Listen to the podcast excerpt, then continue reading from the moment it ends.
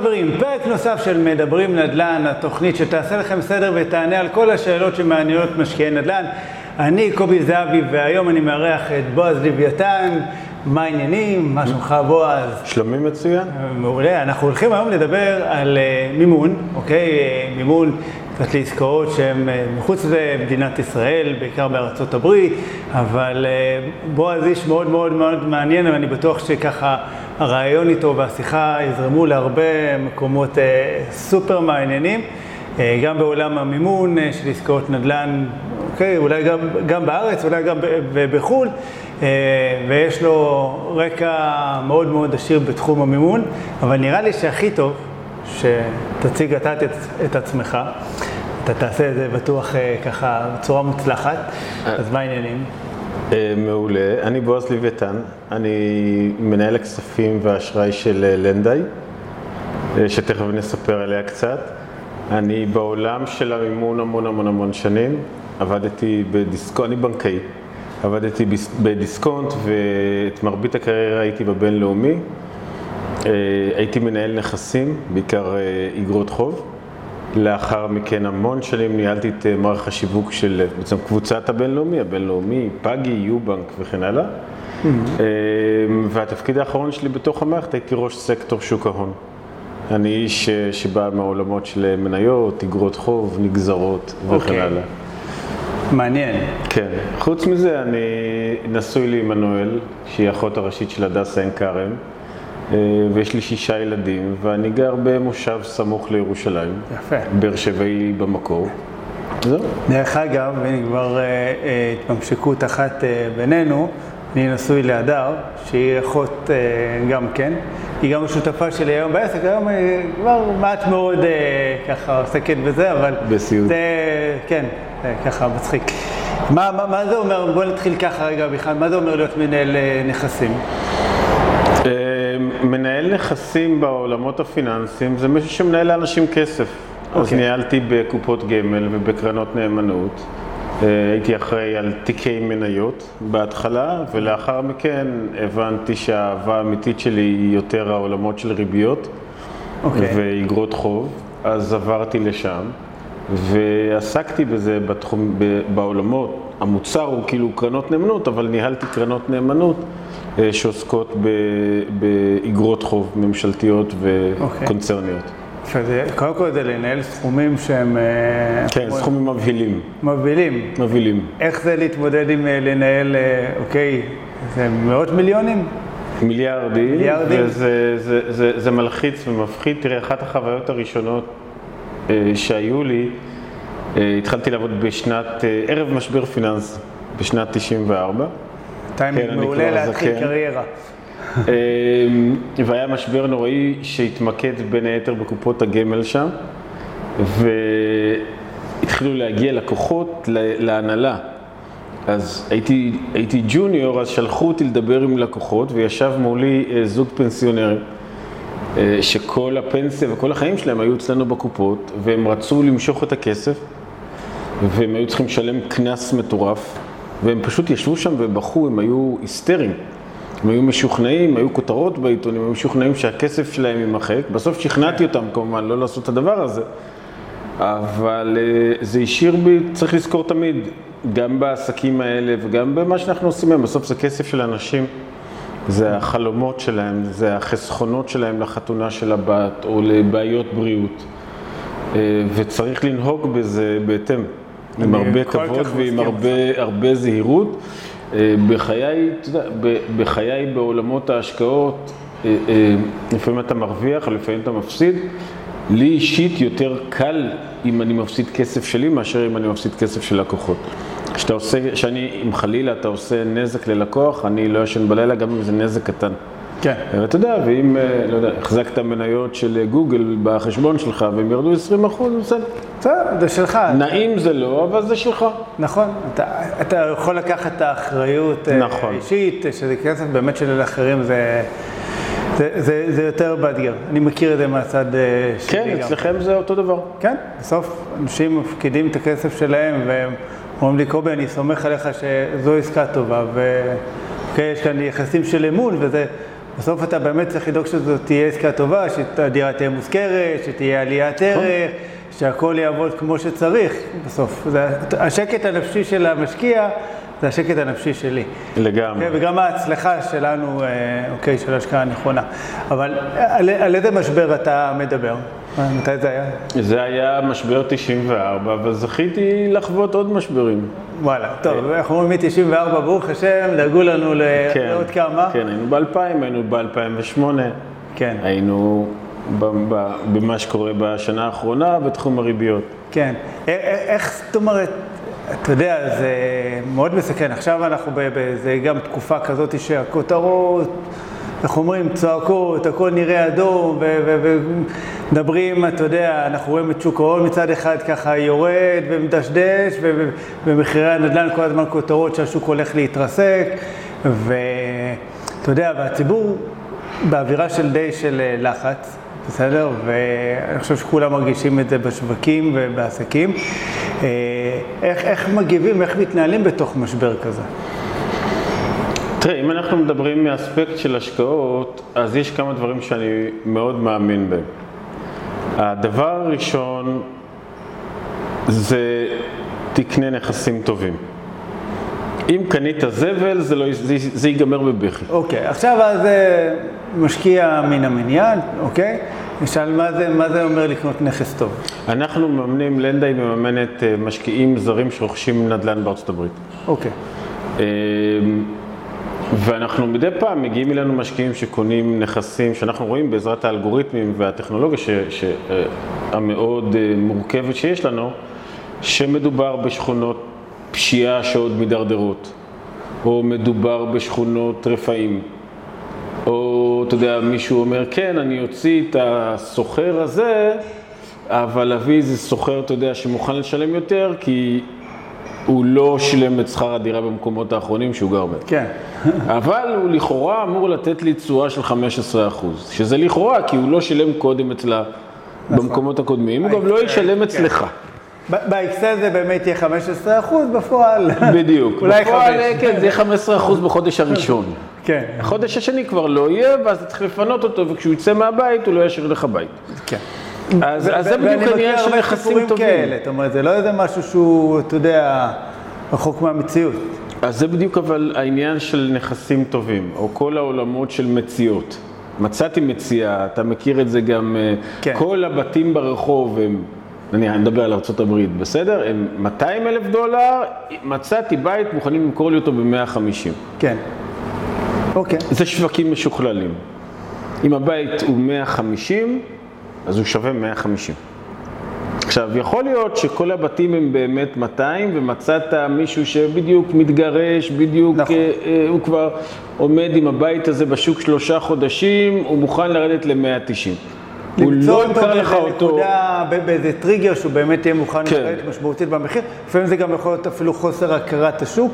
יש כאלה. יש גם- כאלה, אבל גם לזה יש איזשהו נכון. גבול. בדיוק. ושוב, יכול להיות שהתמזל מזלך ובאמת מצאת את ה- אבל את זה עסקאות הנקודה הזאת. בודדות. זה עסקאות בודדות ואתה צריך להיות מאוד מאוד מאוד זהיר בהן. נכון. כי במרבית המקרים, אתה יודע, לא הוא הטיפש. אני אגיד לך מה אני אומר למשקיעים, שאתם סבבה, כולם רוצים עסקת מציאה וכולם רוצים, אה, אוקיי, זו עסקה מגניבה לשבת ב, אה, אוקיי, בארוחת שישי או בבירה עם החבר'ה ולספר עליה.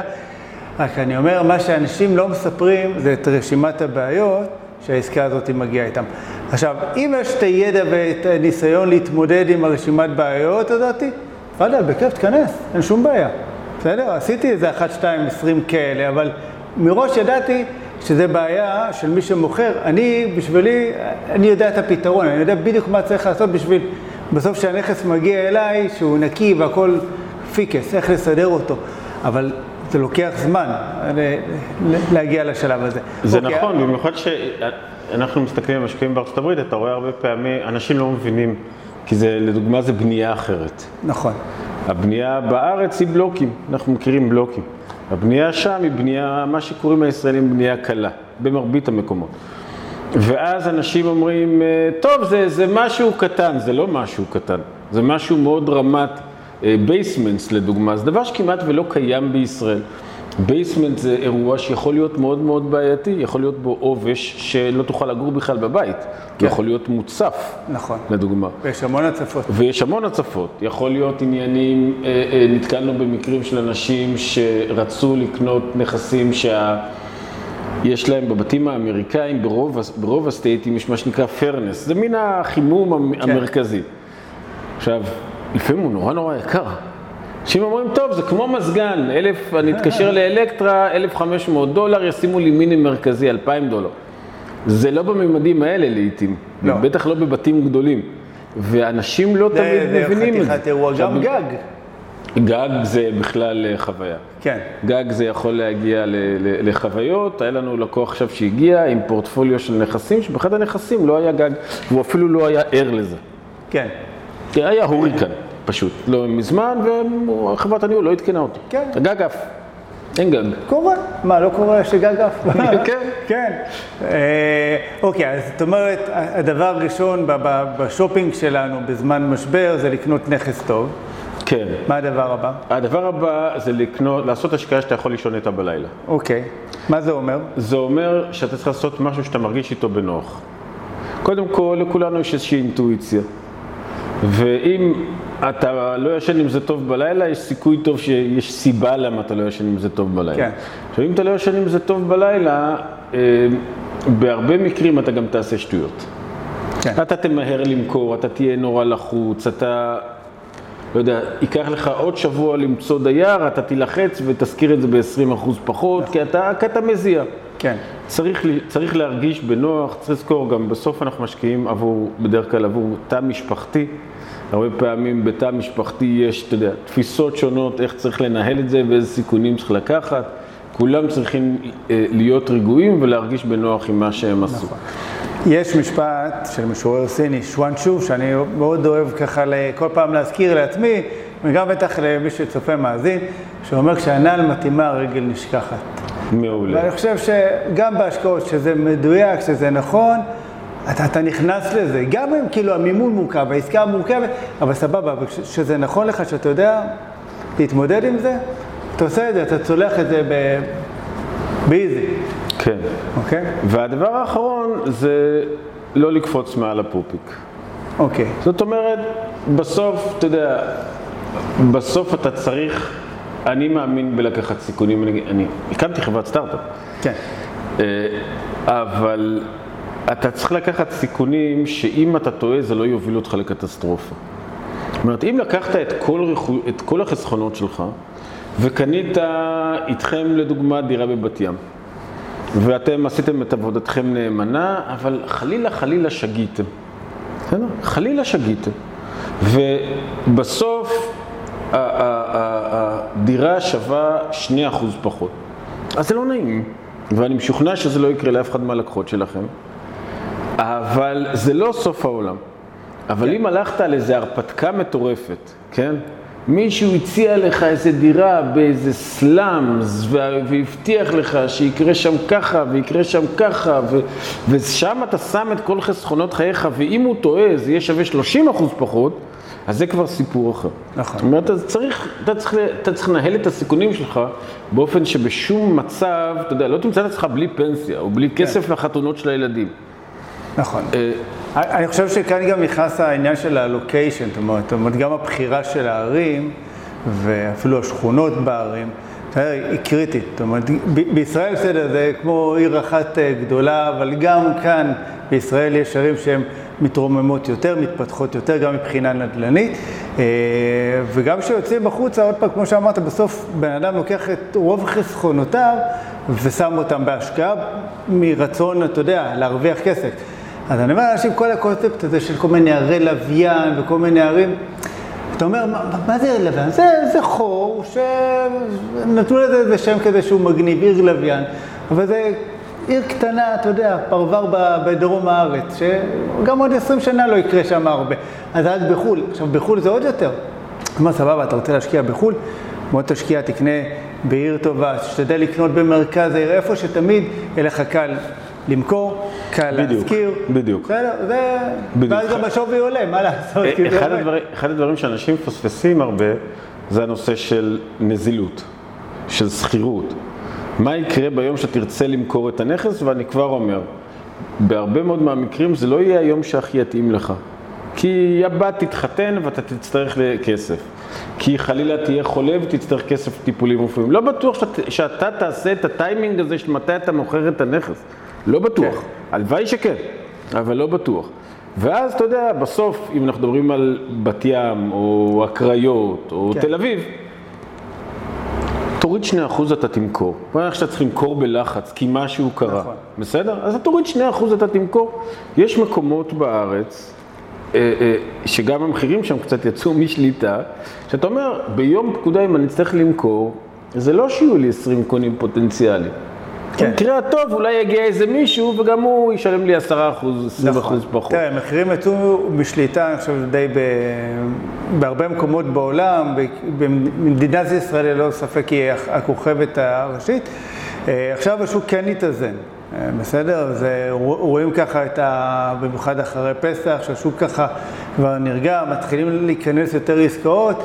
אה, לפעמים קצת קשה למתווכים עוד להבין שהחגיגה נגמרה. בסדר? זה לא מפרסמים דירה ואחרי שהיא כבר נמכרה, אה, ואין טעם לגייס דירה בכל מחיר, כי היא לא תימכר בכל מחיר. אני עדיין רואה דירות שמתווכים מגייסים, אוקיי, ב-150 אלף שקל יותר מעל הסיכוי שאולי היא תימכר, וזה כאילו בעיניי, למה? בסדר? אני מסכים איתך. אה, אוקיי, אז, אז, אז איך להתנהל במשבר, אני חושב שזה זה, זה באמת קריטי וחשוב, כי משברים תמיד יש. נכון. משברים תמיד יש. עכשיו, שאלה, אתה יודע, הרבה פעמים אנשים מגיעים ומשקיעים בחו"ל, ויש איזו תפיסה, אני לא רוצה משכנתה בחו"ל, אוקיי? כי זה רחוק, ואני יודע כמה זה קשה לקחת משכנתה בישראל, ועכשיו, איך אני, מה, לקחת את זה ב... ב אה, בעצם בחו"ל. איך אתם בעצם פותרים את העניין הזה? אז אני אספר טיפה על לנדאי. יאללה, ספר. אז אה, לנדאי התחילה... הרמתי לך. אה, כן, תודה. לנדאי התחילה לפני קצת יותר משלוש וחצי שנים, כשהייתה לי שיחת אגב עם מישהו שהוא פרופסור למימון. בזמנו היה בבינתחומי, עכשיו הוא במקום אחר. והוא סיפר לי שיש לו שלושה נכסי נדל"ן באריזונה, שהוא קנה, שהוא היה שם בשנת שבתון. ויום אחד הוא רצה לקנות עוד נכסים, והוא היה במקרה באריזונה, אז הוא נכנס לבנק, היה לו חשבון בנק שם, בצ'ייס, נכנס לצ'ייס, אמר להם, תנו לי משכנתה. אמרו לו, תראה, משכנתאות, פה באריזונה אנחנו בוודאי מכירים, אותך אנחנו לא מכירים. למרות שיש לך פה חשבון, אולי אתה מלבין הון, אולי אתה פושט רגל, לא תודה. חזר לארץ, נכנס ללאומי רעננה. הלך למנהלת הסניף, סיפר את אותו סיפור והיא אמרה לו, היא נתנה לו את אותה תשובה עם הנימוקים ההפוכים. היא אמרה לו, תראה, אתה לקוח טוב, אתה פרופסור למימון, אתה מבין על מה אתה מדבר, יש לך הרבה נכסים פה בבנק, אבל אין לי מושג בנוגע למשכנתאות בארצות הברית.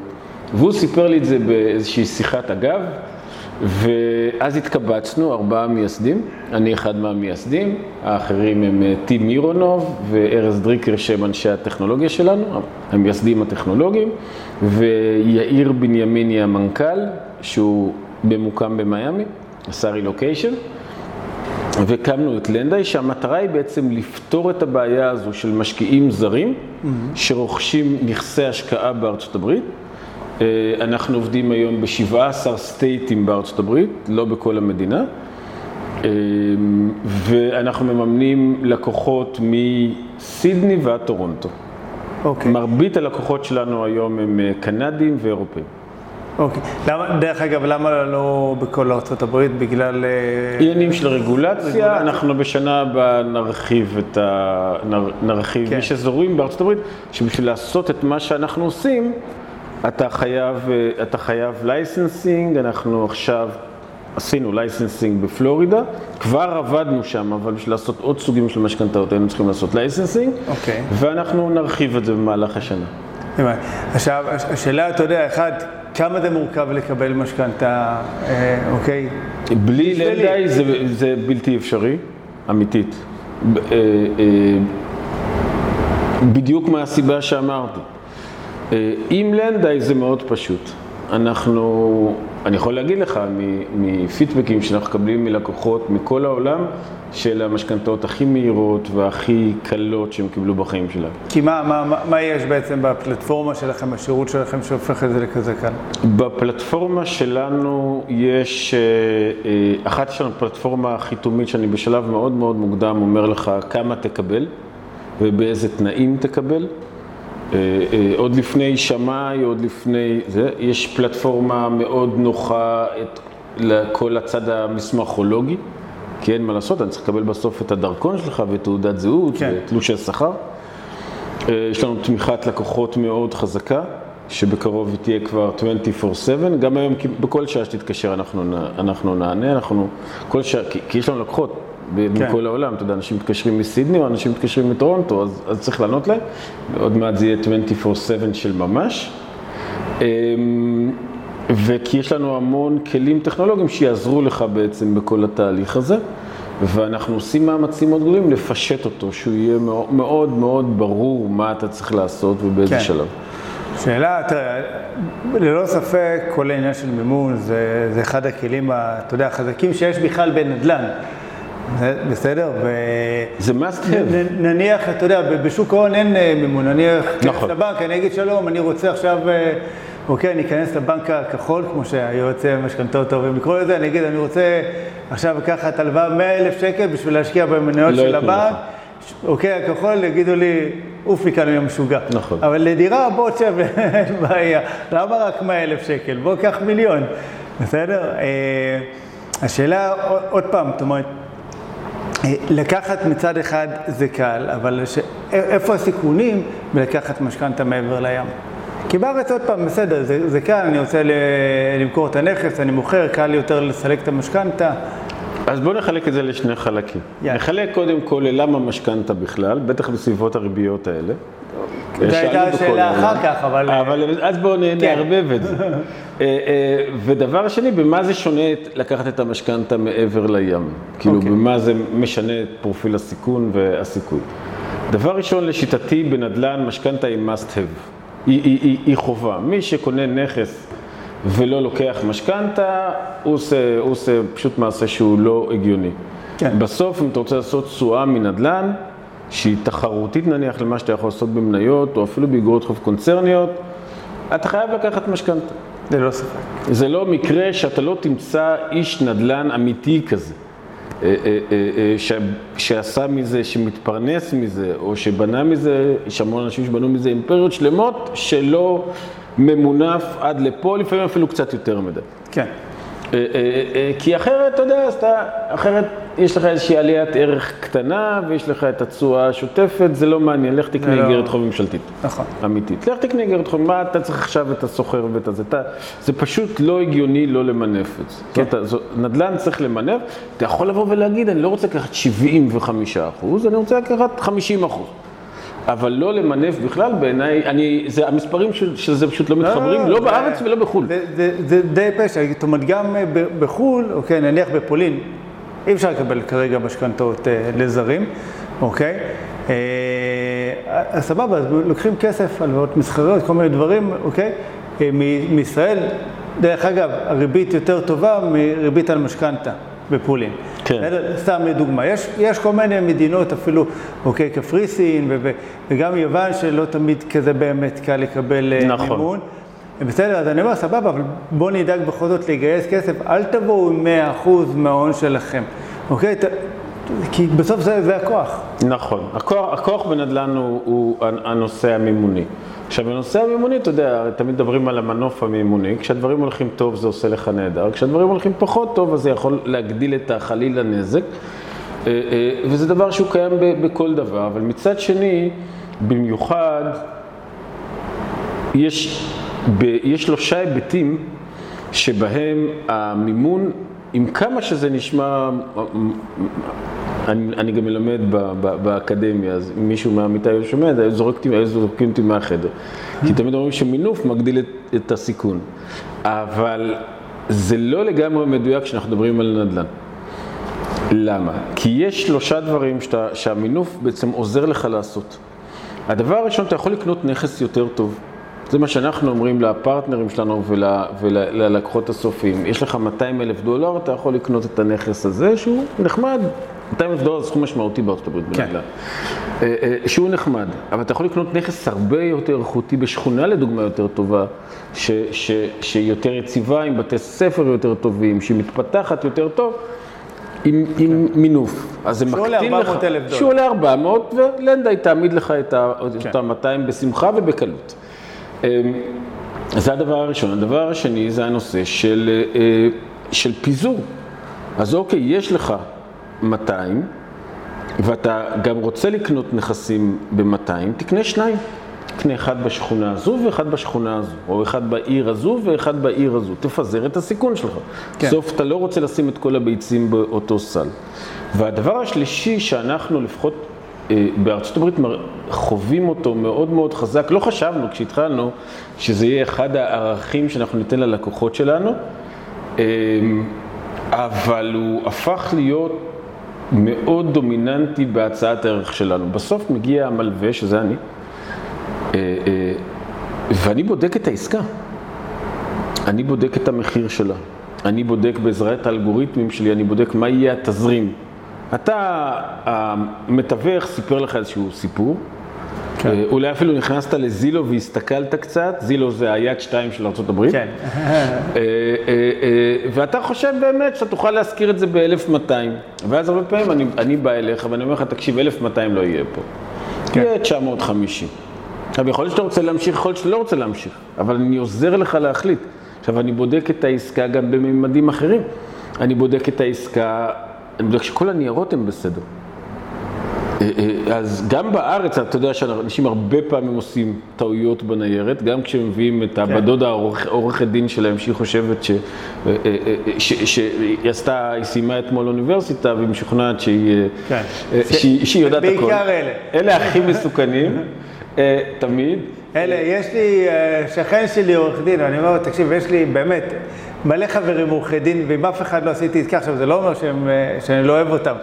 זה, אחד, הם לא, לא עובדים בת- באזור שאני עובד באותו עיר, לפעמים הם בכלל לא מתמחים במקרקעין, אז זאת אומרת, אז מה עם החברים? סבבה, נשב ושתי בירה, נאכל המבורגר ביחד. אז אנחנו בעצם, אנחנו בודקים את העסקה, גם את העניינים המספריים, שהמחיר הוא הגיוני, כי אני צריך אמור למנף את המחיר הזה. כן. אה, שהתשואה שאתה מצפה לקבל היא באמת התשואה. אה, אנחנו בודקים לדוגמה בעזרת האלגוריתמים שלנו מה מצב השכונה. יש שכונות בישראל, אנחנו פחות מכירים את זה, בארצות הברית יש שכונות שאם יש לך, אתה לא רוצה להיכנס לשם. כן. אתה לא רוצה להיכנס לשם. אתה עדין, אבל כן. כן, אה, אה, משקיע אחד סיפר לנו שהיה לו נכס באמת בשכונה, ביקרנו אותו שם. היה לו נכס בשכונה מאוד בעייתית, פרבר של אטלנטה, ואז הוא אומר, תראה, הדייר סירב להתבצר בנכס. אז הוא אומר, אז הבאתי את השריף. הוא אומר, אז השריף מגיע, ואני רואה אותו יושב באוטו. אני דופק לו על החלון, אני אומר לו, תגיד לי, אתה לא, שמע באנו לפה, אתה לא מתכוון להוציא את הדייר? אז הוא אומר לי, אתה משוגע, אני שולח את הסגן שלי שיוציא אותו עם שוטגן. וזה מה שהיה. כן. אז, אז אנחנו עושים גם בדיקות כאלה, וכמובן את כל ההיבטים המשפטיים והמיסויים, אנחנו בודקים שהכל שולם כמו שצריך ושהכל רשום כמו שצריך. אה, אה, היה לנו מקרה, לא מזמן הגיע אלינו לקוח עם שלושה נכסים יקרים מאוד, יקרים אפילו במונחים של ישראל, שהסתבר שבשל, לא נעשתה שם עבודה מספיק טובה של חברת הניהול, והוא לא שילם חלק מהמיסים. עכשיו, מדבר על מאות דולרים בודדים, על נכסים של מיליונים. כן. העירייה הייתה לוקחת לו את הנכס. בארצות הברית מיסים, טקסס זה מה שנקרא סופרלין. זאת אומרת, אתם יכולים לבוא ולקחת את הנכס. שולחים לך איזה נוטיס, ואחרי כמה ימים באים ולוקחים את הנכס, ואז לך, לך תצא, אתה אה, תצא לזה, תצליח בסוף להחזיר אותו סביר להניח, אבל זה יעלה לך המון המון כסף. כי ליגל פיז ופה ושם וכאב. ראש. אז אנחנו בודקים את זה, דרך אגב, גם בהמשך אנחנו נבדק כל הזמן שהביטוחים הם בסדר. המון לקוחות מגיעים אלינו, ואתה מסתכל על הביטוח, שהם מביאים את הפוליסה ביום הראשון, אתה אומר להם, תן לי, מה זה הפוליסה? אתם מבינים שהיא לא מכסה לכם כלום. שאם בארצות הברית יש דוגמה עניין של liability. הרי האמריקאים נורא אוהבים לתבוע, נכון? I כן. will sue you, I will sue you. ואז, עזוב שהדייר יתבע אותך, יש מקרים שמישהו פרץ לדירה שבר את הרגל והוא תובע אותך. הוא אומר לך, המדרגות היו עקומות. הוא פרץ כן. לדירה, עכשיו, ואז אתה רואה לקוח שיש לו, וזה מאוד חשוב בארצות הברית להחזיק את הביטוח הזה, את ה-liability insurance. אז יש לנו המון לקוחות שלא עשו את זה בכלל, כי חסכו את המאה דולר האלה, כי הם לא, לא מכירים. אתה יודע, בארץ כמה. דיירים כבר תבעו את בעל הבית בגלל שהם, לא יודע מה, נתקעו בארון, בארון מטבח. זה כמעט ולא קורה, בארצות הברית זה ספורט הרי. וגם המספרים הם נורא נורא גדולים, כי אתה יודע, לו רק הסוחר או הפורץ ידעו שאין לך ביטוח, נכון. אוקיי? מחר בבוקר כבר יש לך נכון. או שמגיע מישהו ואתה אומר לו, אבל תקשיב, 50 אלף דולר ל-ability insurance זה לא מספיק, כי הרי הוא תובע אותך על בסיס ההוצאות הרפואיות שלכאורה היו לו. ההוצאות הרפואיות בארצות הברית זה לא 50 אלף דולר. כן. אז אנחנו, אני, אנחנו, אז שאלת מבחינת סיכון, אז אחד זה הנושא של, אתה יכול לקנות נכסים יותר טובים ויותר בטוחים, אתה יכול לפזר את ההשקעה שלך על יותר נכסים, כן. ושירות נוסף שאנחנו בעצם נותנים, למרות שזה לא ההסכם, שאנחנו בודקים את זה, וחייב להגיד לך שבהמון המון עסקאות שאנחנו רואים, יש דברים שצריך לתקן. אני חושב שמה שקורה בעצם, אה, הדאבל צ'ק הזה, אוקיי, למשקיע נותן המון המון שקט. כי יכול להיות שהוא עשה את הבדיקות, אוקיי, עכשיו יכול להיות שהמתווך אמר לו, ומה שהמתווך אמר לו גם טוב, או איזו חברה שמלווה אותו, מה שהיא אמרה לו, באמת צדקה, אבל יכול להיות גם שיש, כמו שאמרת, את הפער הזה, ואם, אוקיי, ועדיף לגלות אותו. כמה שיותר מוקדם, וכמו שמאות מוקדמת נניח בישראל, בדיוק. שהם אומרים לי, מה, למה אני אזמין שמאי דרך הבנק, יעלה לי 600-700 שקל, למה אני צריך לשלם, אה, לא יודע, 3,000 שקל. אתה מבין? אני אומר לו, כן, אבל שמאי של הבנק מגיע אחרי שחתמת על החוזה, לא חבל להסתבך. לגמרי, אוקיי? אני, אני, מאוד, אני מאוד מאוד, אה, אני מאוד, אה, אני מאוד מסכים לזה, אבל תראה, גם אם המתווך הוא נהדר, והוא עושה את עבודתו נאמנה, נדבר על הרילטור בארצות כן. הברית. אז בסוף, אתה יודע, אנחנו מקבלים, יש שם איזושהי פרוצדורה כזאת, ומקבלים בסוף טייטל אינשורנס. עכשיו, זה מסמך שהוא לעיתים קצת ארוך, ויש שם כל מיני הערות שלא תמיד המתווכים, לנו יש פשוט מישהו שהוא מומחה בטייטל, זה מה שהוא עושה. אז הוא יודע לקרוא את זה, לפעמים יש שם כל מיני הערות של אה, לך וגם לי לעיתים, ייראו מאוד, סתם כזה איזה הערה, אבל מי שיודע לקרוא את זה מבין שיש שם פצצה. כן. כאילו, יש שם, יש שם, זה, זה משהו שצריך להתייחס אליו. אה, אה, וזו, אני חושב, בשורה התחתונה זה גם משהו שמקטין את הסיכון בתהליך. עכשיו, תראה, אנחנו היום, אה, יש כאלה שיגידו שנגמרה החגיגה, אני אגיד שפשוט אנחנו חיים בסביבת ריבית קצת פחות נוחה כן. ממה שהתרגלנו בעשור האחרון. אה, השאלה, אתה יודע, איך, איך מתמודדים, נעשה את זה ככה בכמה רמות. אחד, בכלל, איך מתמודדים עם משכנתאות באופן כללי ומימון באופן כללי בסביבת ריבית גבוהה, ובכלל, אתה יודע, גם, אני חושב שזה גם יענה די על העניין הזה גם בארצות הברית, או בכל מקום אחר שאפשר לקבל אה, משכנתה. כן, אז, אז דבר ראשון זה הנושא של, אה, של פירעון מוקדם. צריך לקחת מאוד בחשבון שאחד, יכול להיות שאנחנו נגלה שמה שאנחנו רואים כרגע זה ה-new normal. זאת אומרת כן. שמעכשיו אלה יהיו סביבות הריבית, אבל גם יכול להיות שזה ירד. ולכן צריך לעשות חשיבה עמוקה, לקחת מסלולים שאם הריבית תרד, אז לא תצטרך לשלם קנסות מאוד גדולים שאתה עושה להם פירעון מוקדם. נכון.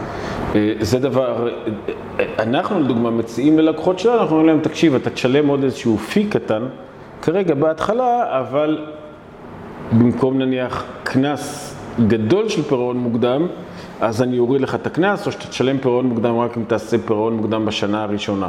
כן. בשנה הראשונה, כרגע זה נראה שבשנה הקרובה הריבית לא תרד. לאחר מכן, לפחות זה מה שאומרים השווקים, היא אמורה לרדת. אז תשלם עוד קצת כרגע, היום, אבל בעוד שנה תוכל לפרוע את המשכנתה, למחזר אותה אצלנו, עם, בלי לשלם קנסות בכלל. כן. אה, אז זה, זה הדבר הראשון. הדבר השני זה שכמובן צריך לנסות בעולמות שלנו, של ההשקעות בארצות הברית, אה, למצוא עסקאות שתומכות בזה, בין אם בעליית ערך, או בין, לדוגמה, אנחנו, יש לנו מוצר שהשקנו לפני שלושה חודשים, אה, שהוא למימון של short term rentals, Airbnb. כי בגלל שהתשואה על Airbnb היא הרבה יותר גבוהה מאשר על השכרה לטווח ארוך, כן. גם אחרי ההוצאות והבלאי הזה, היא שונה לגמרי. בטח באזורים, לנו יש המון פעילות במיאמי. אז מיאמי היא עיר Airbnb, גם אין שם רגולציה נגד Airbnb. אה, אז יש לנו המון המון לקוחות שלוקחים משכנתאות לטובת מה שנקרא short term rentals, Airbnb. כן. ששם התשואה היא הרבה מעבר לריבית המשכנתאות בכל מקרה.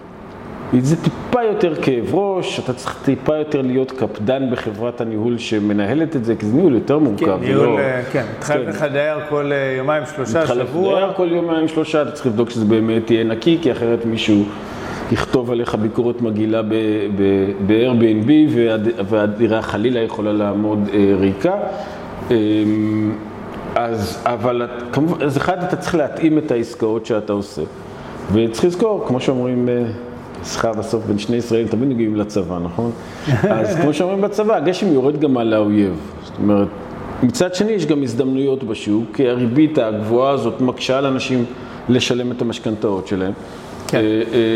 ויכול להיות שהיא מוציאה חלק מהקונים מהשוק, ולכן יש הרבה יותר הזדמנויות. אז כן. אם אנחנו, אני יכול להגיד לך שאם לנדאי בעבר, חלק גדול מהעיסוק שלנו היה מה שנקרא cash out refinance. ושאנחנו בעצם, לא רוצה להגיד, התחלנו את התחום, אבל די התחלנו את התחום של לממן משקיעים זרים בארצות הברית, אז בהתחלה באו אלינו המון אנשים שכבר קנו ואמרו, טוב, אבל אני רוצה למשוך את הכסף. כן. קניתי מיליון דולר, אבל אני אשמח, תתן לי 600 אלף דולר מזה בחזרה. כרגע, לדוגמה, חלק גדול מהעסקאות שלנו הן רכישות חדשות. הרבה פעמים זה גם מחובר, מגיעים כן. אלינו המון אנשים שאומרים, יש לי נכס של מיליון, ויש פה עוד נכס של מיליון, שאני כבר מסתכל עליו הרבה זמן. תן לי, מה שנקרא cash out refinance, תן לי למשוך כסף מהנכס הראשון, וזה ישמש אותי כהון עצמי לנכס השני, זה בעצם שתיים במחיר אחד. בדיוק. ובעצם ריפייננס זה אומר כמו בישראל למשכן את הנכס ולהביא להביא, והכסף הזה משמש אותך כהון העצמי נכון. בעסקה השנייה, והרבה פעמים גם נשאר עוד קצת לקחת הביתה. וזה, בדרך כלל הריביות אבל אני חושב שהן יהיו קצת אחרות. לא, אצלנו לא. לא? אצלכם לא. בישראל כן. בישראל בישראל זה... מתייחסים לזה כאילו כרגע, לא יודע מה, גנבת למישהו את האופניים. השאלה אם זה כאילו מתייחסים לזה או גם מנצלים את ה... אוקיי, סבבה, אתה רוצה למחזר, אה, למשכן את הנכס, בואו אנחנו גם אה, ניקח איזה בונוס. תראה, גם בארצות הברית, גם בארצות הברית לקאש אאוט, בדרך כלל הריביות הן טיפה שונות, אבל אני מדבר על 0.1, 0.2 הבדל, גם לאמריקאי. זה באמת זניח. אנחנו אצלנו בחברה לא עושים את זה בכלל. בעיקר בגלל ששוב, אצלנו הרבה פעמים, לפחות בתקופה הזו, הקאש אאוט הוא מלווה ברכישה של נכס נוסף. כן. אז אני עושה כבר הלוואה גדולה ו... ו, ו וכולם שמחים. בישראל בכלל, קודם כל, הבנקים סגרו את האפשרות למשקיע נכס קיים. זאת אומרת, היום עושים את זה דרך חברות חוץ-בנקאיות, חברות ביטוח, כל הגופים הפיננסיים הלא בנקאיים אה, וכאלה. אה, אני חושב שבוא נגיד בעבר שהבנק אפשר, באמת היה פער מאוד מאוד גדול בריביות ביניהם. היום, פשוט בגלל שהריבית עלתה, זה איפשהו התאזן. עדיין זה ריבית מאוד גבוהה ביחס כן. לתשואה. זה לא אומר לא לעשות את זה, זה אומר רק צריך אה, לדעת אה, לאיזה עסקה אתם נכנסים. נכון. אה, זה בעיניים, זאת אומרת צריך בסוף להיכנס בעיניים פקוחות. מה, מה שיעור המימון, אחוזי המימון שאתם מאפשרים? זאת אומרת, אנחנו... היום אני רוצה לקנות דירה, סתם, אוקיי? לא משנה הסכום. כמה אחוז מימון אני יכול לקבל? בין 60 ל-70 אחוז. בין 60 ל-70 אחוז, שזה יפה מאוד. כן. וגם בריפייננס שאני עושה... כן, כן. כן? כן. יפה. כן. ומה את אומרת, אה, למה אנחנו נשארים רק בגבולות ארצות הברית? אה, כי אנחנו... אני רוצה לקנות נכס ביוון. וואי, אתה יודע אוקיי? כמה פעמים בשבוע שואלים ברור. אני בטוח פשוט שמי שמקשיב לנו, אוקיי, גם שואל את השאלה הזאת, ואם אני לא אשאל, כן. יגידו, איך לא שאלת? אז הסיבה, הסיבה, יש לזה כמה סיבות. הסיבה העיקרית, אנחנו בסוף, אחת הסיבות שאנחנו מצליחים לעשות ביעילות ובמהירות מה שאנחנו עושים, כי אנחנו מאבדים המון המון נתונים על נדל"ן. וכמות הנתונים שיש על נכסים אמריקאים היא בכלל לא דומה למה שיש באיזושהי מדינה אחרת. הכי מתקדמת אחריה זה, זה אה, אנגליה, ועדיין זה על כל נכס. אני יודע מעבר לדברים שאותם יש גם בישראל, מה היו מחירי מכירה אני יודע גם מה, מה, מה המטראז', מתי הוא נמכר. אני יודע מה איכות בתי הספר ואיך התחבורה הציבורית מסביב. מה שיעור, מה שיעור האנשים מסביב שיש להם ביטוח בריאות פרטי. Mm. אני יודע הכל, וזה מאפשר כן. לי לתמוך בתהליכים שלנו שהם מאוד מאוד טכנולוגיים, אני לא יכול לעשות את זה מחוץ לארצות הברית. מעבר לזה שבכל זאת זה שוק שהוא הכי הכי הכי גדול. הכי גדול. כן, לא דומה לשום דבר אחר. כן, אבל אתה יודע, טכנולוגיה זה דבר שגם מתקדם מהר מאוד. יכול להיות שאנחנו נראה בעתיד הלא מאוד מאוד רחוק, כן, חברות אחרות שמציעות משכנתאות כאלה לזרים במדינות זרות? כן. כן? כן. זאת אומרת, יש למה לצפות. יש למה לצפות, אנחנו מדי פעם מציצים בעיקר על, על בריטניה ואנגליה, אבל זה עוד לא שם. כן. זה עוד לא שם, גם לא, גם לא מבחינתנו, כי יש לנו עוד הרבה איפה לגדול בארצות הברית, אבל אנגליה וגרמניה בהקשרים האלה מאוד מעניינות. אה, אוקיי, פחות מכיר לגמרי, אתה יודע, ברזולוציות הקטנות, אבל אה, לחלוטין. אה, בכל זאת, אתה יודע, איך אנחנו מתמודדים, זאת אומרת, הרבה פעמים שואלים, אוקיי, זאת אומרת, אם אני היום קונה נכס, אוקיי, ויש לי תזרים שלילי עליו, בגלל שלקחתי עכשיו משכנתה, כן טוב, לא טוב, אני בכוונה רגע שואל אותך דווקא כאחד שמתעסק בפיננסים וכלכלה, מעניין אותי לשמוע את התשובה שלך, כי אני חושב שעכשיו זה בעיקר השיח, אוקיי, רגע, אני קונה נדל"ן, אז בעצם אני באיזה סוג של תזרים שלילי עכשיו. כן, במיוחד באחוז מימוש שהוא קצת, שהוא יותר גבוה. התשואה השוטפת, מה שקוראים בארצות הברית cap rate, כן. נכסי נדל"ן בארצות הברית היא שונה לגמרי מאשר בישראל. היא בכלל לא דומה. אנשים תמיד שמתלוננים פה על מחירי השכירויות, אה, אה, הנדל"ן יקר, אבל מחירי השכירויות, השכירות זולה. כן. היא פחות מחצי ממה שהייתה כמעט בכל מדינה אחרת. כן. אה, ולכן בישראל במיוחד יש את התופעה הזאת שאתה בעצם אומר, אוקיי, לקחתי משכנתה, אני צריך להביא, אני בעצם קניתי משהו ואני צריך להביא כסף כל חודש. פרה שאוכלת כזאת.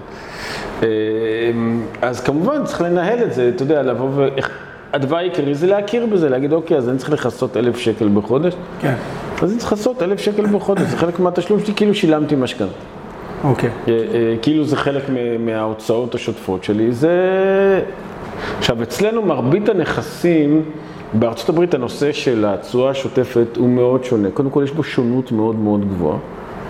בארץ, בסוף, אתה עובר מבית שאן למרכז תל אביב, אז ההבדלים יהיו של חצי אחוז, אולי אחוז וחצי, בתשואה השוטפת, לא במחיר הנכס. נכון.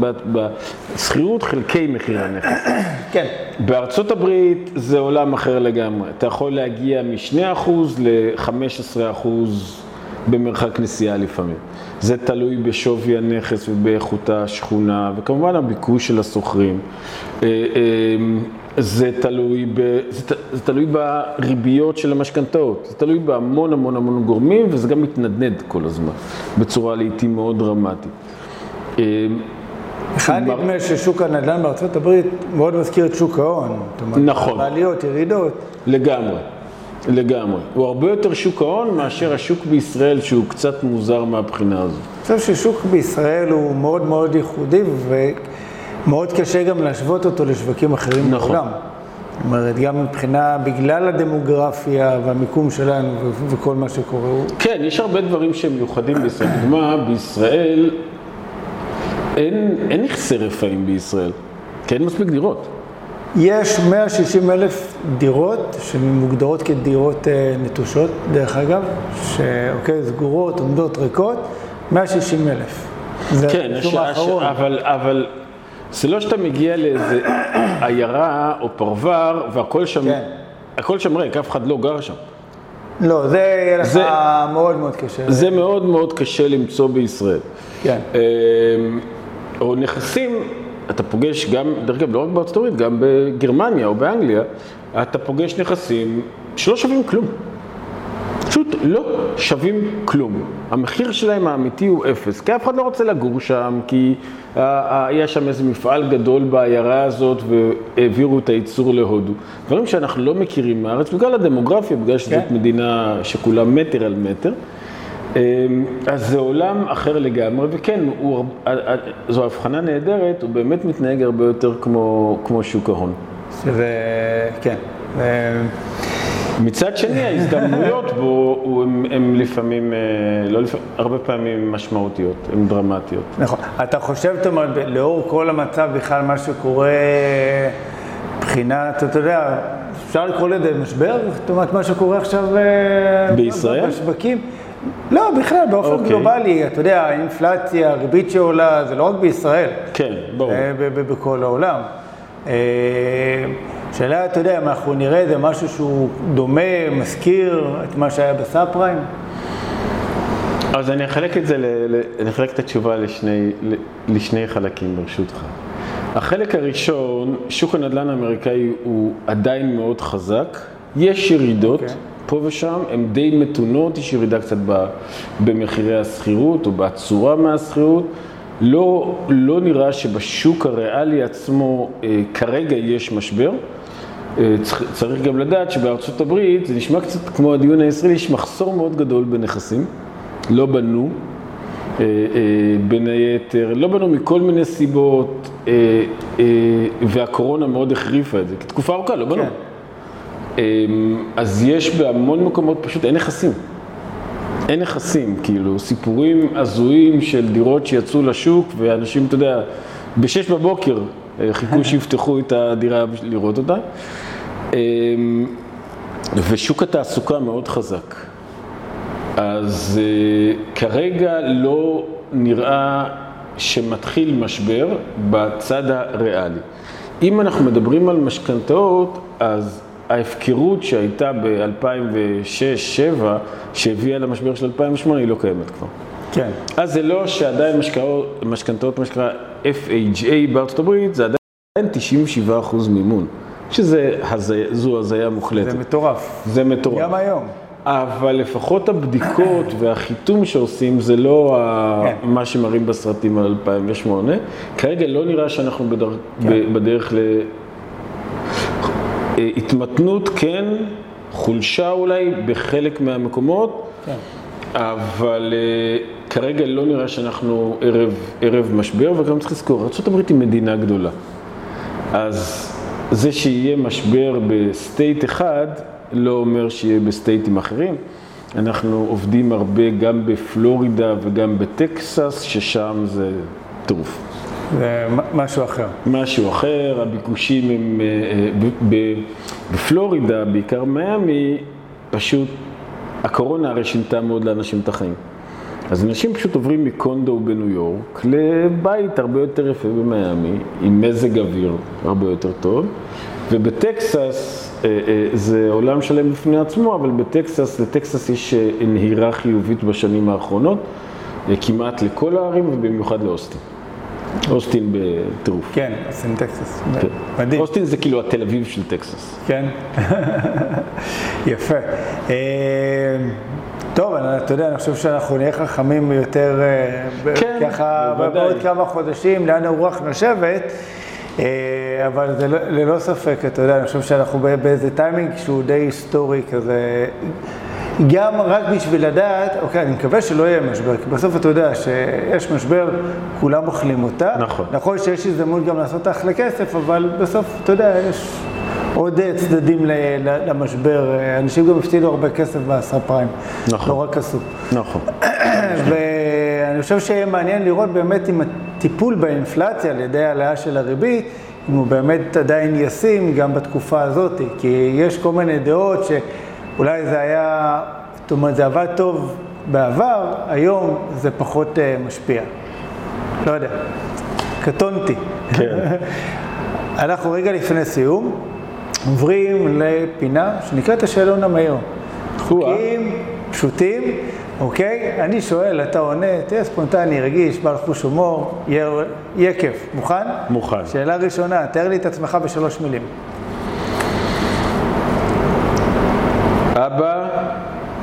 ישראלי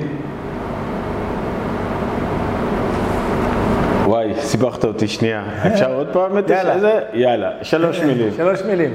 אני אבא, אני ישראלי ואני ציוני. מדהים.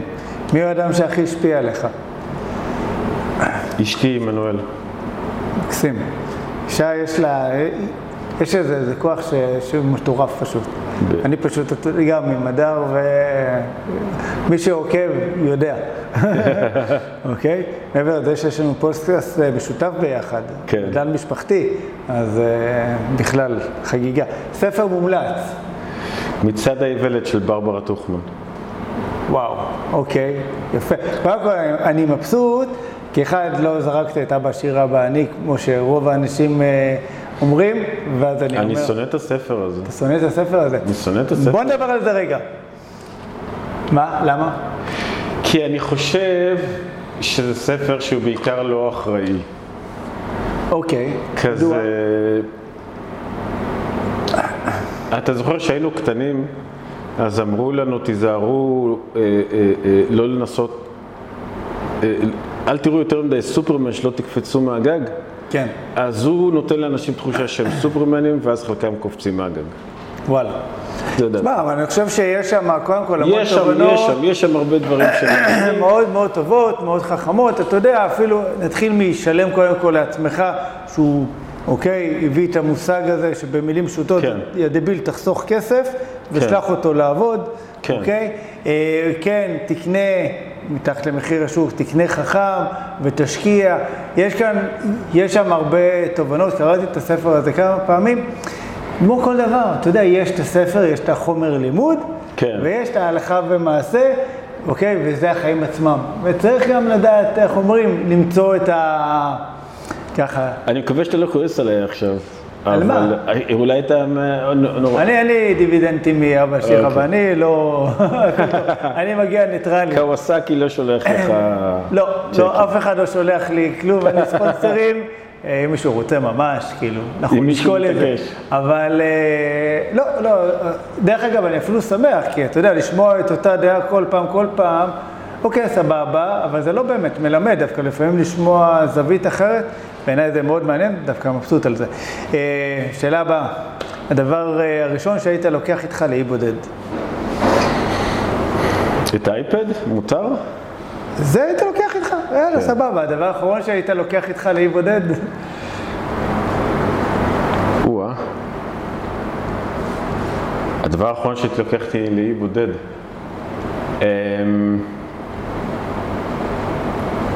כדורגל, אני לא אוהב כדורגל. גם- אני לא. אתה בחברה טובה, כל פעם יש מונדיאל ו- וכאלה, באמת, כאילו, אני לא שם. מה, אתה לא יודע, אתה לא רואה, היום זה משחק עם זה. טוב, אה, העצה הכי טובה שנתנו לך. וואו, נתנו לי המון עצות טובות. אמ, הראשונה שקופצת, מראש אני אומר, אין תשובה נכונה. העצה הכי טובה שנתנו לי, אמ, לקרוא. לקרוא. למה, מה יש בקריאה? צריך לקרוא הכל, אוקיי, כל הזמן לקרוא. זה מלמד, פותח את הראש. כן. מדהים. איזה תחביב יש לך? אני רץ, אמ, מטפס קצת, יפה. אה, וזה מה שאני עושה. מדהים, אחלה תחביב. ספורט זה תחביב טוב, חשוב. אה, איפה אתה רואה את עצמך בעוד עשר שנים? בלנדאי, אנחנו כן. בונים פה משהו שאנחנו רוצים להשאיר לנכדים שלנו. תענוג. זה לא, תמיד כשאני אומר את זה, אומרים לי, לא זה, אבל, אבל אתם חברת סטארט-אפ, אתם אמורים לעשות אקסיט. אמרנו, בסדר, נעשה אקסיט ונמשיך אה, לקדם את לנדאי. כן, לא חייבים, אתה יודע, אפשר תמיד גם להישאר עם איזה אחוז מסוים בחברה. כן, אנחנו אוהבים את מה שאנחנו. עושים. כן. אה, טוב, אה, בוא נגיד ככה, אם היו עושים סרט על החיים שלך, לאיזה ז'אנר הוא היה שייך? זה ממש בעייתי, אני אגיד לך למה. כן. כי מי שישמע מבחוץ, אז uh, יגיד שזה צריך להיות איזה סרט uh, דרמה כזה, אתה יודע. Uh, uh, uh, גדלתי בבית תומים עד גיל שנה, אומצתי, פטירות, מיטות, כל מיני ניסים ונפלאות. אני הייתי מעדיף שיעשו מזה קומדיה, אני חושב שזה די מצחיק. אתה יודע, זה... דרמה וקומדיה זה, זה עניין של זווית הסתכלות. זהו, צריך לקחת את הזווית. הנכונה, כי זה אחלה, אני חושב שזה... נכון. אה, אתה יודע, זה בכלל, אני חושב, גם תובנה לחיים, מאיזה זווית אנחנו מסתכלים על הסיטואציה. זה כמו משבר. אחד בדיוק. נגמר ומוצא את עצמו, איך אומרים, על, ה, על הפרקט, ומישהו אחר מוצא את עצמו, איך אומרים, חוגג ו- ועושה הרבה כסף. כן, אז, אה, לגמרי. אוקיי, גם בחיים זה ככה. לגמרי. לאן היית הולך אם היית בלתי נראה? או-אה. שאלה אחר כך יותר קלה, אבל... אה, לאן הייתי הולך אם הייתי בלתי נראה?